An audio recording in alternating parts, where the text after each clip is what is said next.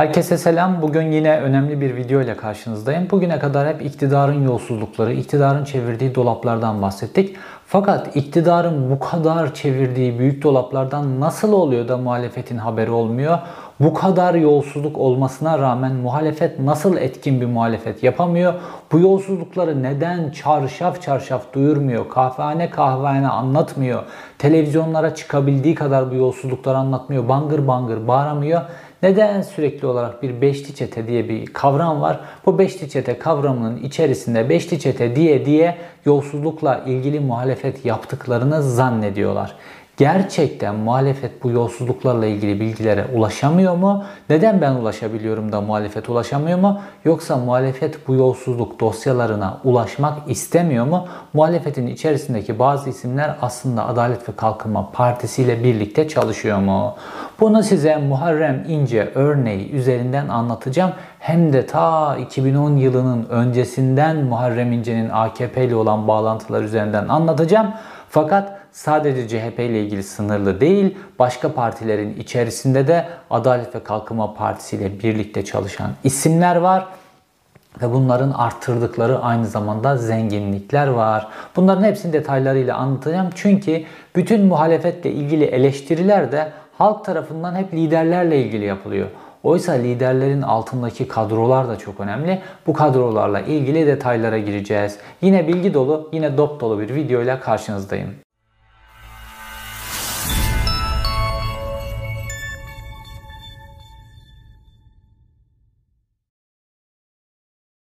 Muhalefetle ilgili konulara geçmeden önce bu Tosyalı Holding ile ilgili birkaç şey söylemek istiyorum. Çünkü Tosyalı videomdan sonra bazı gelişmeler oldu. Bunlara değinmem lazım muhakkak. Şimdi Tosyalı Holding'in nasıl devletin, milletin malı, varlığı, arazisi, kredisi, her şeyi, hazinedeki paralar peşkeş çekilerek nasıl hormonlu büyütüldüğünün detaylarını o videomda geniş biçimde anlatmıştım. Ve bu videodan sonra Tosyalı Holding hemen harekete geçti. Ve hemen zaten bütün İskenderun'daki mahkemeler Tosyalı Holding'in kulu kölesi olmuş durumdalar. Dolayısıyla Tosyalı Holding oraya gitti. Benim, benim videoma erişim engeliyle ilgili videom da yetmiyor. Bu konuyla ilgili attığım tweetlere de erişim engeliyle ilgili bir mahkeme kararı çıkardı. Daha videom yayınlandığının ertesi günü hemen bu mahkeme kararını jet hızıyla çıkardılar. Yani hakimler, savcılar hemen videomu incelemişler. Videomdaki iddiaları falan delillendirmişler falan filan. Ondan sonra benim de hiç tabi savunmam filan bunlar alınmıyor. Hiç bunlar yapılmadan hemen hakim bu videonun Tosyalı ailesinin itibarına zarar verdiğine kanaat getirmiş. Ondan sonra böyle temiz, dürüst, hiç çalmayan, çırpmayan, hazine malıyla büyütülmeyen bir holding olduğuna kanaat getirmiş ve videoma ile ilgili erişim engeli kararı çıkarmış ve tweetlerimle ilgili de erişim engeli kararı çıkarmış. Bunlar jet hızıyla oluyor. Neden? Çünkü oradaki mahkemeler Tosyalı Holding'in kulu olmuş durumdalar. Direnen hakim savcı da zaten böyle azıcık direnen hakim savcı da olursa Tosyalı hemen Ankara'ya bir telefon açıyor. O hakim savcı oradan alınıyor başka bir tarafa gönderiliyor. Çünkü dediğim gibi hırsız evin içindeyse kapı kilit tutmaz. Fuat Tosyalı'yı da almışlar varlık fonunun yönetiminin içerisine koymuşlar. Kendisi şirketinin alacağı kredilere kendisi onay veriyor varlık fonunun üyesi olarak. Şimdi bunlar böyle. Fakat Tosyalı Holding'in bu aldığı mahkeme kararı beni Tosyalı Holding ile ilgili araştırmalar yapmaktan geri koymayacak. Neden? Çünkü Türkiye'de hep bir beşli çete konuşuluyor. Sürekli Mehmet Cengiz, işte diğer Kalyon vesaire bunlardan konuşuluyor. Sanki başka hırsızlık yapan kişiler yokmuş gibi. Beşli çete böyle tamamen günah keçisi oldular ama onun dışında inanılmaz büyüyenler. Belki beşli çeteldeki bazı müteahhitlerden belki de değil. Bazı müteahhitlerden çok daha fazla büyüdü Tosyalı Holding son birkaç yılda. Fakat kimsenin ağzından Tosyalı Holding ile ilgili bir laf duyamazsınız. Herkes beşli çeteyi konuşuyor. İlk defa Tosyalı'nın üzerine geniş biçimde bir e, ışık tuttu birisi. O da bendim benim videomda. Ondan sonra Tosyalı Holding'in bütün dolaplar ortaya çıktı. Fakat o videoda ben 50 dakika Tosyalı Holding'in daha doğrusu Tayyip Erdoğan'ın Tosyalı Holding'e e, önünü nasıl açtığı ve milletin malını nasıl peşkeş çektiği ile ilgili bütün detaylar 50 dakika anlattım ama bitmedi. Yetmiyor, sığmıyor. Kaç tane video yapmak lazım? 50 dakika bile yetmedi. Ben sadece belli başlı büyüklerini anlatmaya çalıştım. Fakat bugün size Tosyalı Holding ile ilgili küçük bir örnek daha vereceğim. Sonra hemen muhalefet meselesine geçeceğim. Şimdi biliyorsunuz Türkiye'nin önündeki en büyük proje Avrupa Birliği'ne üye olma projesi. Türkiye'nin tarihinin en büyük projesi budur. Cumhuriyet tarihinin en büyük projesi budur. Avrupa Birliği'ne üye olmak. Şimdi Avrupa Birliği'nin öncesinde biliyorsunuz Avrupa Birliği'nin temelini oluşturan şey Avrupa Kömür Çelik Topluluğu. İlk önce buydu. Avrupa Kömür Çelik Topluluğuydu Avrupa Birliği. Sonrasında Avrupa Birliği'ne evrildi. Ve Türkiye'nin de Avrupa Birliği'nin üyesi olma macerası ta o Avrupa Kömür Çelik Topluluğundan başlar ve Türkiye'nin orada attığı serbest piyasayla ilgili attığı bir imza var. Ve bu imza çok önemlidir. Çünkü Avrupa'da geçmişten beri bu çatışmalar kömür ve çelik meselesi üzerinden çıktığı için orada bir e, nizama bağlanmıştır ve Türkiye'de bu nizamın bir parçası olmuştur. Ve bu nizamın parçası olmak Türkiye'nin Avrupa Birliği hedefi açısından da son derece önemlidir. Fakat sırf Tosyalı Holding için bu Avrupa Kömür Çelik topluluğunun içerisinden çıkma sonucu doğuracak bir hazırlık yapıldı Türkiye'de. Ne zaman biliyor musunuz? 2017 yılında. Ve bunu gizlediler. Ama şimdi ben size bir belge yayınlıyorum. Bunun belgesini yayınlayacağım. Şimdi dönemin Sanayi Bakanı Nihat Zeybekçi'nin imzasını taşıyan, onun onun tarafından Avrupa Birliği'ne gönderilmek üzere hazırlanmış bir belge. Şimdi bu niye hazırlanmış biliyor musunuz? Normalde Avrupa'daki bu topluluk kurulduktan sonra hiçbir Avrupa ülkesi kendi demir çelik fabrikalarına teşvik vermeyeceğine ilişkin söz veriyor. Yani diyorlar ki tamamen bu demir çelik sektörü serbest piyasa kuralları içerisinde işleyecek. Hiçbir devlet buna teşvik vermeyecek. Dolayısıyla bir devlet bu alanda öne geçip diğerlerine tehdit oluşturmayacak. Serbest piyasa içerisinde bunlar gelişecek. Bütün herkes de buna söz veriyor. Türkiye de buna söz veriyor. Fakat Tosyalı'ya o kadar araziyi peşkeş çekiyorlar, kamu bankalarından ucuz kredi veriyorlar. Envai çeşit geçen videodan anlattım. Veriyorlar, veriyorlar. Bu yetmiyor. Tosyalı'nın fabrikalarını devlet parasıyla doğrudan fonlayabilmek için bunun uğruna Türkiye'yi Avrupa Kömür Çelik Teşkilatı'yla ilgili, topluluğuyla ilgili attığı imzadan feragat ettirecek bir çalışma yapılıyor. Tayyip Erdoğan bu kadar fonlamak istiyor. Çünkü aslında kendisini fonluyor. Tosyalı, Mosyalı yok. Oradaki bütün mal mülk Tayyip Erdoğan kendisini fonlayacak doğrudan. Dolayısıyla bununla ilgili bir çalışma yapılıyor. Bu Türkçe olarak hazırlanıyor, İngilizce olarak hazırlanıyor. Nihat Zeybekçi bunu imzalıyor ve Avrupa Birliği'ne gönderilecek. Normalde şok bir şey yani. Türkiye'nin Avrupa Birliği macerasını bitirebilecek. Çünkü temel orada. O ilk imzamız o. Bitirebilecek bir mevzu. Fakat sonrasında bürokratların işte bazı bürokratların uyarıları, Dışişleri Bakanlığı'ndan bazı insanların uyarıları filanla birlikte son anda vazgeçiyorlar bundan. Ve diyorlar ki ya biz yine bunları doğrudan fonlayalım. Ondan sonra fakat bu imzayı Avrupa Birliği'ne göndermeden gizliden fonlayalım bunları ve sonradan gizliden fonlamak için de işte bir önceki videoda da anlattığım karma karışık bir düzen oluşturuyorlar ve bu şekilde demir çelik fabrikalarını Tosyalı'na fonluyorlar. Diğerlerini değil, diğerlerini değil. Sadece Tosyalı'nın demir çelik fabrikalarını fonluyorlar. Yani Tayyip Erdoğan Dış politikayı biliyorsunuz iç politika için alet haline getirir. Türkiye'nin e, küresel menfaatlerini sırf kendi partisinin çıkar için alet haline getirir.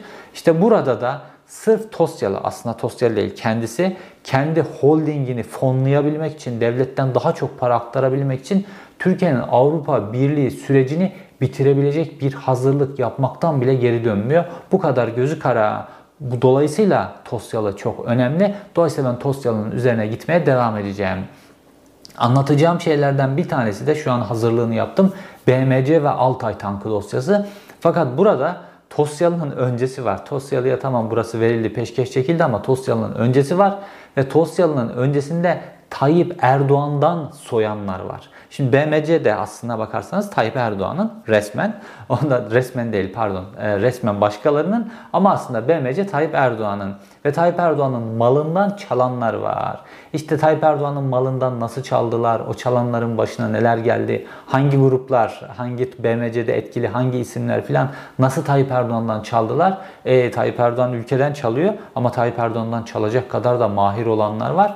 Bunların hepsinin ilginç detaylarını size anlatacağım. Şimdi gelelim muhalefet meselesine. Şimdi ben bu Tosyalı Holding ile ilgili bunları anlatıyorum. İşte başka ailelerle ilgili pek çok yolsuzluk anlatıyorum. Mafya gruplarının demir çelik fabrikalarına çökmelerini anlatıyorum. Farklı yerlerde pek çok yolsuzlukla ilgili bilgiler ve suçla ilgili bilgiler anlatıyorum. Fakat bunları muhaliflerin ağzından, muhalefet partilerinin ağzından duyamıyoruz.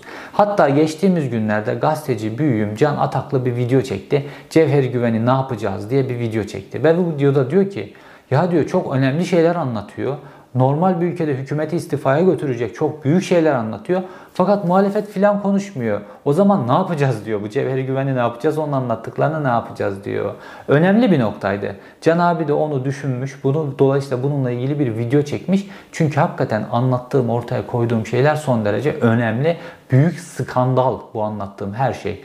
Ee, geçtiğimiz günlerde anlattığım Suriye'den çalınan e, mal, mülk, varlık meselesiyle ilgili konular da çok önemliydi.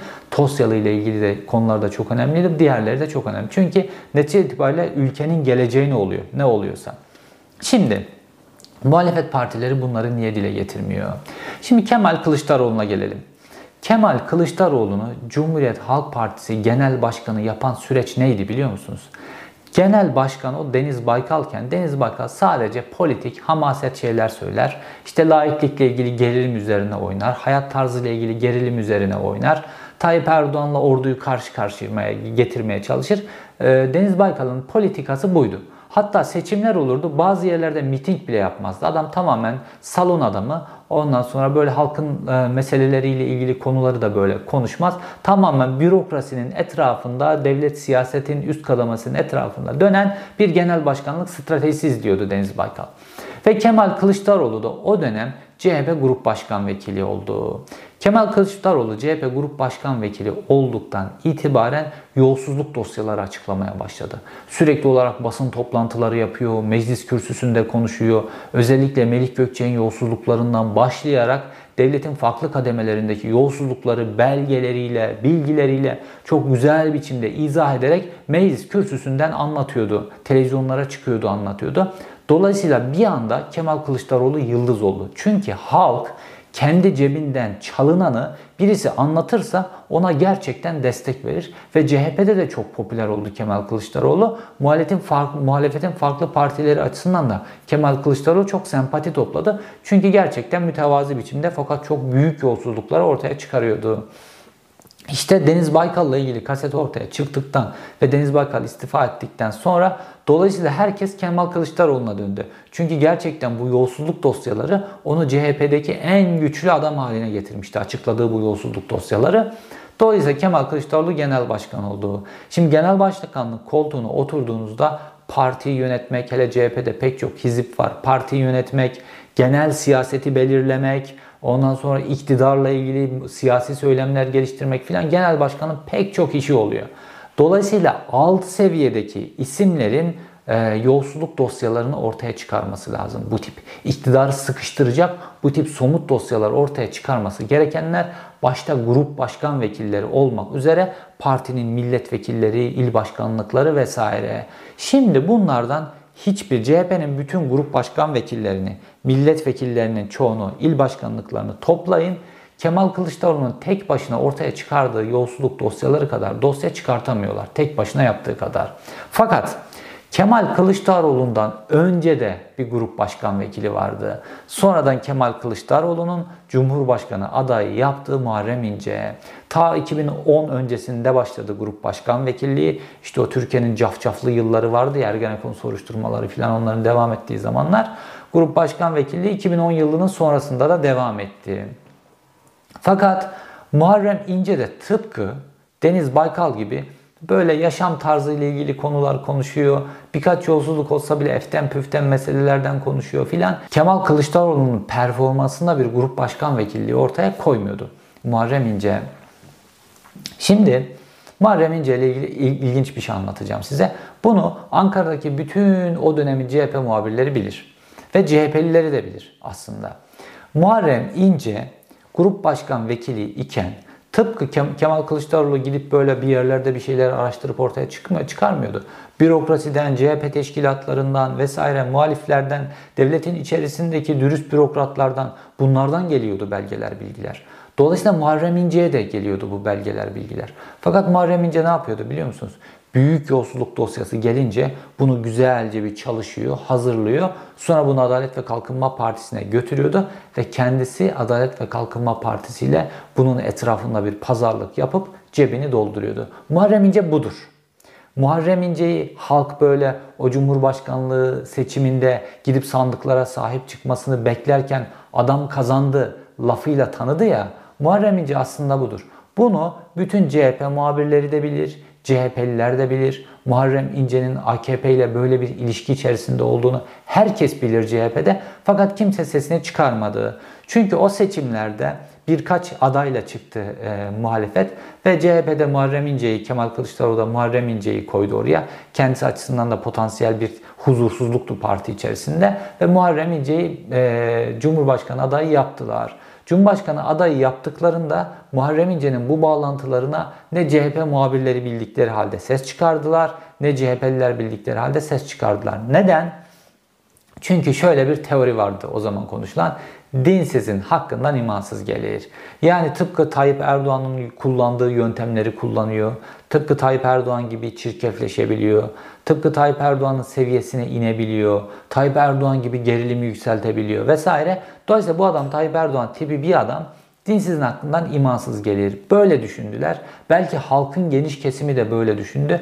Ve o seçimlerden Muharrem İnce'nin arkasına toplandı, toplandı, toplandı.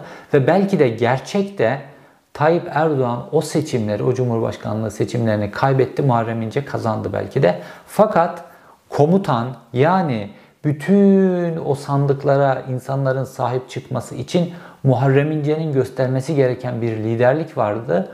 Fakat Muharrem İnce Cumhurbaşkanlığı seçiminin yapıldığı akşam ortada yok.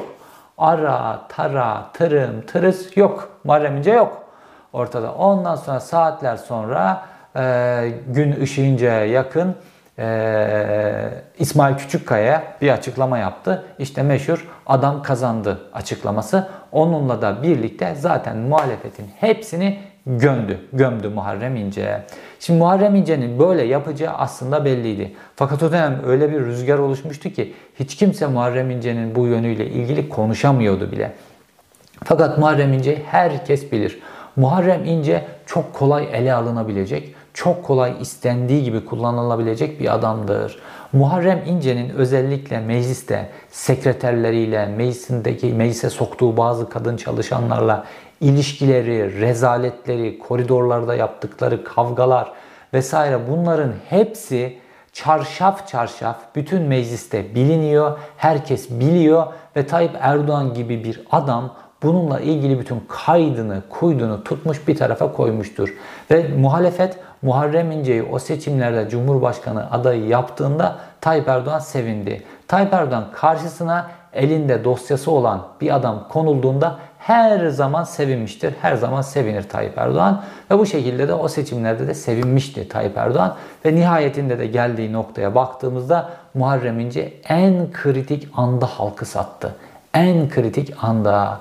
İşte grup başkan vekili olduğu dönemde de o dürüst bürokratların kendilerine getirdiği yolsuzluk dosyalarını aynı biçimde satıyordu Muharrem İnce. Ne oldu da Kemal Kılıçdaroğlu'nun grup başkan vekilliğinde böyle bütün bürokrasiden akan o yolsuzluk dosyaları şu an yok.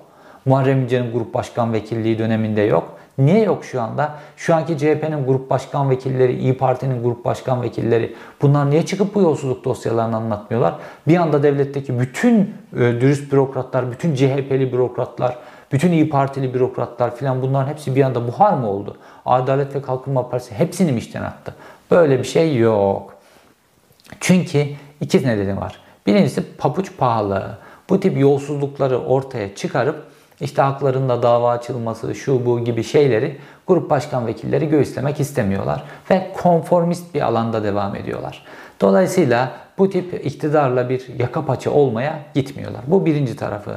İkinci tarafı muhalefet partilerinin içerisinde çok fazla Adalet ve Kalkınma Partisi ile iş yapan adam var. Buna grup başkan vekilleri de dahil. Bunların mal varlıklarında son dönemdeki artışa bakarsanız Adalet ve Kalkınma Partisi bunların geldiği illerde il başkanlarını kullanarak bu milletvekillerinin şirketlerine çok güzel işler veriyor. Çok güzel ihaleler veriyor. Böyle bakmayın mecliste birbirlerine hamasi atıp tuttuklarına filan. Şirketlerinin işleri gayet güzel yürüyor. Varlıklarına varlık katıyorlar. Hiçbir problem yok burada. Kamuoyunda da muhalifmiş gibi görünüp böyle çok da itibarlılar. Fakat AKP'ye gerçekten yapılacak muhalefeti yapmıyorlar. Normalde benim ta buradan ulaştığım Tosyalı Holding ile ilgili bilgilere milletvekilinin verdiği güçle de ve milletvekilliği çevrimi sayesinde ulaşabildikleri bürokratlarla da birlikte ve partinin pek çok avukatı var bunlardan da elde edecekleri bilgilerle de birlikte bu Tosyalı dosyasını CHP mecliste İyi Parti, başka partilerden bangır bangır anlatabilirlerdi. Benden 10 kat daha iyi, daha detaylı biçimde anlatabilirlerdi. Fakat yapmıyorlar. Yapamadıklarından değil, yapmıyorlar. Dolayısıyla burada halkın da böyle sürekli olarak Meral Akşener'i, e, Kemal Kılıçdaroğlu'nu böyle liderleri eleştirmesine gerek yok. Biraz da alt seviyedekileri eleştirmeleri lazım. Liderler gidip de böyle yolsuzluk dosyalarını araştırıp vesaire bunları çıkıp da kamuoyunda anlatamazlar. Meclis kürsüsünde anlatamazlar. Liderlerin başka makro politikalar belirliyorlar liderler. Ama alt seviyedekiler işte alt seviyedekiler böyle AKP ile birlikte iş tutuyorlar. İş tuttukları için de bunları çıkıp anlatmıyorlar. Asıl parti teşkilatlarının, partililerin ve halkın bu isimlere yönel, e, suçlamalar yöneltmeleri lazım. Ya Kemal Kılıçdaroğlu grup başkan vekiliyken bu yolsuzluk dosyalarını anlatıyordu da ey şu anki grup başkan vekilleri siz niye anlatmıyorsunuz? Sürekli bir beşli çete. Bir beşli çete kavramı var. Sürekli ağızlarından dökülüyor. Bu beşli çetenin detaylı olarak ne yaptığını da anlatmıyorlar. Tek tek alın bu adamları. Hangi ihalede, nerede, ne yapmış filan bunları ifşa edin. Bunları malzeme verin insanların diline. Video bu yaptığınız mecliste yaptığınız bu konuşmalar videoya çevirin. Bunları yayınlayın sosyal medyada. Bütün bu talanı görsün. Herkes il il herkes kendi hayatına da dokunan talanı görsün. Bunları tek tek anlatın. Yeterince o kadar milletvekiliniz, teşkilatlarınız var. Bunlar hazırlarlar size. Yeter ki bu azim olsun. Bunu yapmıyorlar. Tek tek o beşli çetenin e, müteahhitlerine, onların yaptıkları tek tek vurgunlara detaylı olarak girmiyorlar. Bir beşli çete, beşli çete. Büyük bir kavram, beşli çete. Ama ben anlattım işte. Talip Öztürk inanılmaz büyük bir vurguncu. Bu Talip Öztürk'ün yaptığı vurgunları tek tek anlatmanız lazım. Ya bu adamın çoluğu çocuğu böyle e, her biri milyon dolarlık arabalar dolusu garajlar var. Garajları var böyle. 7, 8, 10 tane milyon dolarlık arabaları var bunların. Ya bu zibidiler bu paraları nereden buluyorlar?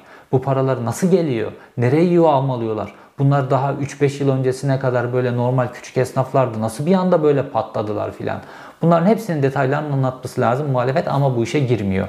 Girmiyorsa bu bilinçli bir tercihtir. Mesela İyi Parti'nin grup başkan vekili Musavat Dervişoğlu. Anlattım size. Geçmişte e, Alaaddin Çakıcı ile Erol Evcil ile birlikte İzmir'de bir demir çelik fabrikasına çöken adamdır. Üstelik de demir çelik fabrikasındaki o iftilafta demir çelik fabrikasının sahipleri ki o zaman MHP İzmir İl Başkanıydı Musavat Dervişoğlu götürüp ona emanet etmişlerdi. Bu e, bu problem çözülünceye kadar o emanete ihanet edip Erol Evcillere, onların yönetimindeki adamlara götürüp bu hisseleri devretti. Bunu bedavaya devretmemiştir. Bunu cebini doldurmuştur. Bunu herkes biliyor. İzmir piyasasındaki demir çelik alemini bilen herkes biliyor. Ben bunu anlattım Musavat Dervişoğlu ile ilgili. Ne oldu? Hiçbir şey. Cevap dahi veremedi. Şimdi böylesine bir adamın iktidarın yolsuzluklarını bahsedeceğini düşünebiliyor musunuz? Çıkıyor Musa Musavat Dervişoğlu meclis kürsüsüne. Böyle sesi de gür. Bir şeyler söylüyor, söylüyor, söylüyor, söylüyor. Böyle çok güzel konuşuyormuş gibi böyle böyle gür sesiyle falan. Netice itibariyle hiçbir şey söylemiyor. Söylediğinin içerisinde bir gram bilgi, bir gram halkın işine yarayacak şey yok. Sadece öyle boş boş hamaset. Konuş Allah konuş. Çünkü anlatamaz gerçekleri, halkın malı, mülkü nasıl talan ediliyor, ülke nasıl bu hale geldi. Bunların hiçbirisini anlatamaz. Hatta kendisinin o çok böyle milliyetçi ilan e, düşünüyor ya kendisi. Türkiye'nin en büyük milliyetçisi ya Musavat Dervişoğlu. Hatta kendisi işte o çok da böyle karşı olduğu çözüm sürecinde o dönen dolaplar vesaire bunlarla ilgili Milli İstihbarat Teşkilatı'nın da içerisinde olduğu filan bu konuları dahi anlatamaz. Onun sonrasında şu anda dönen işler, Suriye sınırında dönen işler böyle mültecilere çok karşılar. Fakat o mülteciler meselesinden çok daha büyük Türkiye'nin mültecilere harcadığı paranın 30, 40, 50, 100 misli vurgun yapılıyor orada. Bunlarla ilgili detayları anlatamaz böyle. Çok milliyetçi ama anlatamaz. Çünkü anlatmak istemiyor. Çünkü kendi şirketleri de Adalet ve Kalkınma Partisi döneminde büyüyor. Hepsi iş tutuyorlar bunların. Dolayısıyla aslında muhalefetin liderleri inanılmaz yalnız. Fakat bu kadrolarla çalışmak biraz da onların tercihi. Gerçekten iktidarla savaşacak kadroları bulmaları lazım. Gerçekten dürüst siyasetçileri bulmaları lazım. Gerçekten halk için üreten ve halk için çarpışabilecek siyasetçileri bulup getirip meclisin içerisine koymaları lazım. Milletvekili listelerine koymaları lazım. Dolayısıyla etkin muhalefetin yapılması lazım. Bugün Adalet ve Kalkınma Partisi'ne insanlar oy veriyorsa çok büyük bir kısmı oy vermek zorunda kalıyor. Neden? Çünkü karşısında bir kadro görmüyor. Sadece liderler meselesi değil ki karşısında ülkeyi yönetecek bir kadro görmesi lazım. Dolayısıyla bunlar ülkeyi yönetebilir, bunlar ülkeyi daha iyi yönetebilir demeleri lazım. Halk bunu diyemediği için ya bunlara mı oy vereyim deyip gidip Tayyip Erdoğan'a veriyor. Dolayısıyla Tayyip Erdoğan'ın üst üste seçim kazanmasının sebebi aslına bakarsanız muhalefetin yapmadığı muhalefettir. Şimdi de muhalefet inanılmaz konformist. Yine aynı konformistlik devam ediyor. Tayyip Erdoğan'ın doğal ömrünü tamamlamasını bekliyorlar. İşte ekonomik kriz e, Tayyip Erdoğan'ı götürecek. Bu ekonomik krizde hiçbir iktidar dayanamaz. Dolayısıyla Tayyip Erdoğan da bu ekonomik kriz götürecek. Ondan sonra biz geleceğiz. Peki siz nereye geleceksiniz? Ekonomik krizin ortasına geleceksiniz. Hadi onu geçtim. Ekonomik kriz tek başına iktidarları götürmez. Hiçbir iktidarı tek başına ekonomik kriz götürmemiştir. Ekonomik kriz devam ederken alternatif siyaset üreten iktidarlar o iktidarı iyice gömmüşlerdir.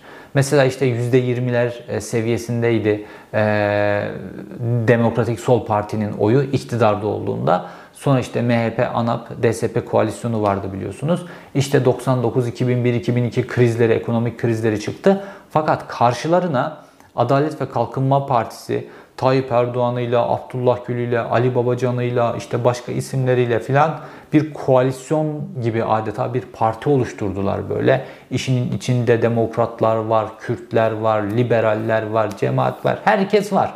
Böyle bir koalisyon oluşturdular ve işte bu e, ekonomik krizin müsebbibi iktidarın karşısına çok güçlü bir kadroyla çıktılar ve halk yeni kurulmuş bir partiye %35 oy verdi. Yeni kurulmuş bir partiye %35 oy verdi. Ve tek başına iktidar yaptı. Şu an o dönemki ekonomik krizden daha büyük bir ekonomik kriz var. Bir de üstüne sıvadıkları için inanılmaz patlayacak böyle yani. Halk inanılmaz fakirleşecek. Bunu herkes görüyor. Fakat bunu halka bir türlü muhalefet anlatamıyor. Çünkü muhalefet bu tip kadrolar ortaya koymuyor. İşte bu tip kadroları muhalefetin belirleyip bu seçimlerde, bu milletvekili seçimlerinde sadece Cumhurbaşkanı adayı önemli değil. Aynı zamanda seçime gidilecek kadro da önemli. Seçime gidilecek doğru politikalar, doğru kadrolar. Bunları halkın önüne koymazlar ise işte Tayyip Erdoğan'ın karşısına ceketi de koysan o da seçilir. Çünkü ekonomik kriz var mantığıyla giderler ise halk o ceketi seçmez. Halk gider yine Tayyip Erdoğan'a verir. Çünkü karşılaştırma yapar. Cekettense Tayyip Erdoğan'a oy veririm der. Dolayısıyla muhalefetin e, Cumhurbaşkanı adayından başlayarak milletvekillerine kadar demokratik biçimde temayül yoklaması yaparak vesaire çok güçlü kadroları getirip e, partilerinin içerisine doldurmaları ve bu kadrolarla seçime gitmeleri halkın önüne çok güçlü bir alternatif koymaları gerekiyor. Çünkü Tayyip Erdoğan boş durmuyor. Yani sadece politika üretmekle kalmıyor Tayyip Erdoğan. Aynı zamanda muhalefetten küçük küçük tırtıklayacak bir sürü küçük parti kuruyor. Mustafa Sarı Sarıgül'le de bir şeyler yapmaya çalışıyor. Ümit Özdağ'la da bir şeyler yapmaya çalışıyor. Muharrem İnce'yle de bir şeyler yapmaya çalışıyor. Hatta Tansu Çiller'i bile denedi yani. Piyasaya sürdü böyle tutar mı tutmaz mı acaba oradan Meral Akşener'den birkaç oy kaçır, kaçırır mıyım falan diye. Çünkü Meral Akşener'in partisi giderek merkez sağ olmaya doğru gidiyor filan. Bunların hepsini deniyor. Bütün enstrümanlarını kullanıyor. Yani Muharrem İnce'yi ben o seçimlerde tepe tepe kullandım. Ondan sonra adam kazandırdı dedim. Tamam Muharrem İnce kenara çekilsin demiyor. Muharrem İnce söz vermişti normalde. Kemal Kılıçdaroğlu o seçimlerin öncesinde söz verdi. Kemal Kılıçdaroğlu genel başkan olduğu sürece ben onun karşısına aday olmam dedi. Ama şimdi sorsanız ya ben onun karşısına aday olmadım işte gittim başka parti kurdum falan filan der. Sana o başka parti kurmanın talimatını verdiler Muharrem İnce. Dolayısıyla sen gidip o partiyi kuruyorsun ve her alacağın oy CHP'den alacağın oy Tayyip Erdoğan'a giden oy olacak. Bunu da biliyorsun. Bunu herkes biliyor. Bunu Tayyip Erdoğan da biliyor. Ümit Özdağ verilen görevde budur. Tansu Çiller'e verilmeye çalışılan görevde budur. Mustafa Sarıgül gibi her taraftan bütün dosyaları Tayyip Erdoğan'ın elinde olan adama verilen görevde budur. Dolayısıyla Tayyip Erdoğan çalışıyor. AKP çalışıyor bölmekten tut da minicik minicik partiler kurmaktan tut da başka stratejilere kadar. Bakın şu an bütün mültecilerle ilgili öfke birikiyor, birikiyor, birikiyor. Göreceksiniz Tayyip Erdoğan o öfkenin üzerinde nasıl dans edecek. Tayyip Erdoğan yeri gelir, kararlı çünkü. Bu kararlılık çok önemli. Muhalefette kararlılık eksikliği var. Tayyip Erdoğan seçimi kazanacağını, getir, seçimi kazanmayı garantileyeceğini bilsin bu hamleyle bir günde 2 milyon tane muha muhaciri, 2 milyon tane mülteciyi götürüp Suriye'ye doldurur. Bunların hepsini kapı dışarı eder. Orduyu bile kullanır bunun için Tayyip Erdoğan. Yeter ki bundan emin olsun. Şu an anketlerde böyle bir hamlenin getirileri var, götürüleri var. Dolayısıyla Tayyip Erdoğan bu hamleyi yapmıyor. Fakat bu hamleyi yapabilir. Fakat sadece illa böyle fiziki olarak o insanları göndermesi gerekmiyor. O insanlarla ilgili nefretin de o insanları korumanın da iki taraflı da bu dalganın üzerinde nasıl sörf yapacağını göreceksiniz. Fakat muhalefet bu Türkiye'deki 5 milyon mülteci ile ilgili hiçbir söylem geliştirmiyor. Bu mültecilerle ilgili, bu mültecilerin başına gelenlerde Tayyip Erdoğan'ın nasıl rolü olduğuna ilişkin filan bunları mültecilere dahi anlatmıyor, halka da anlatamıyor. Böyle mültecilerin kendisine yönelen bir öfke var. Fakat bunun müsebbibi kim? Onu bir türlü muhalefet anlatamıyor. Bunun müsebbibi kim? Türkiye'yi mülteci merkezi, dünyanın mülteci merkezi yapan politikanın müsebbibi kim ve hangi yanlış adımlar nasıl tek tek tek yapıldığı bunları dahi anlatmaktan aciz muhalefet. Dolayısıyla durum böyle giderse bu seçimlerde de Tayyip Erdoğan'ın istediğinin olma ihtimali var. Ve bu da bizi neye götürecek biliyor musunuz? Cumhuriyet tarihinin en büyük felaket dönemine doğru götürecek. Cumhuriyet 100. yılında belki yıkılmaya doğru gidecek. İzlediğiniz için teşekkür ederim. Bir sonraki videoda görüşmek üzere.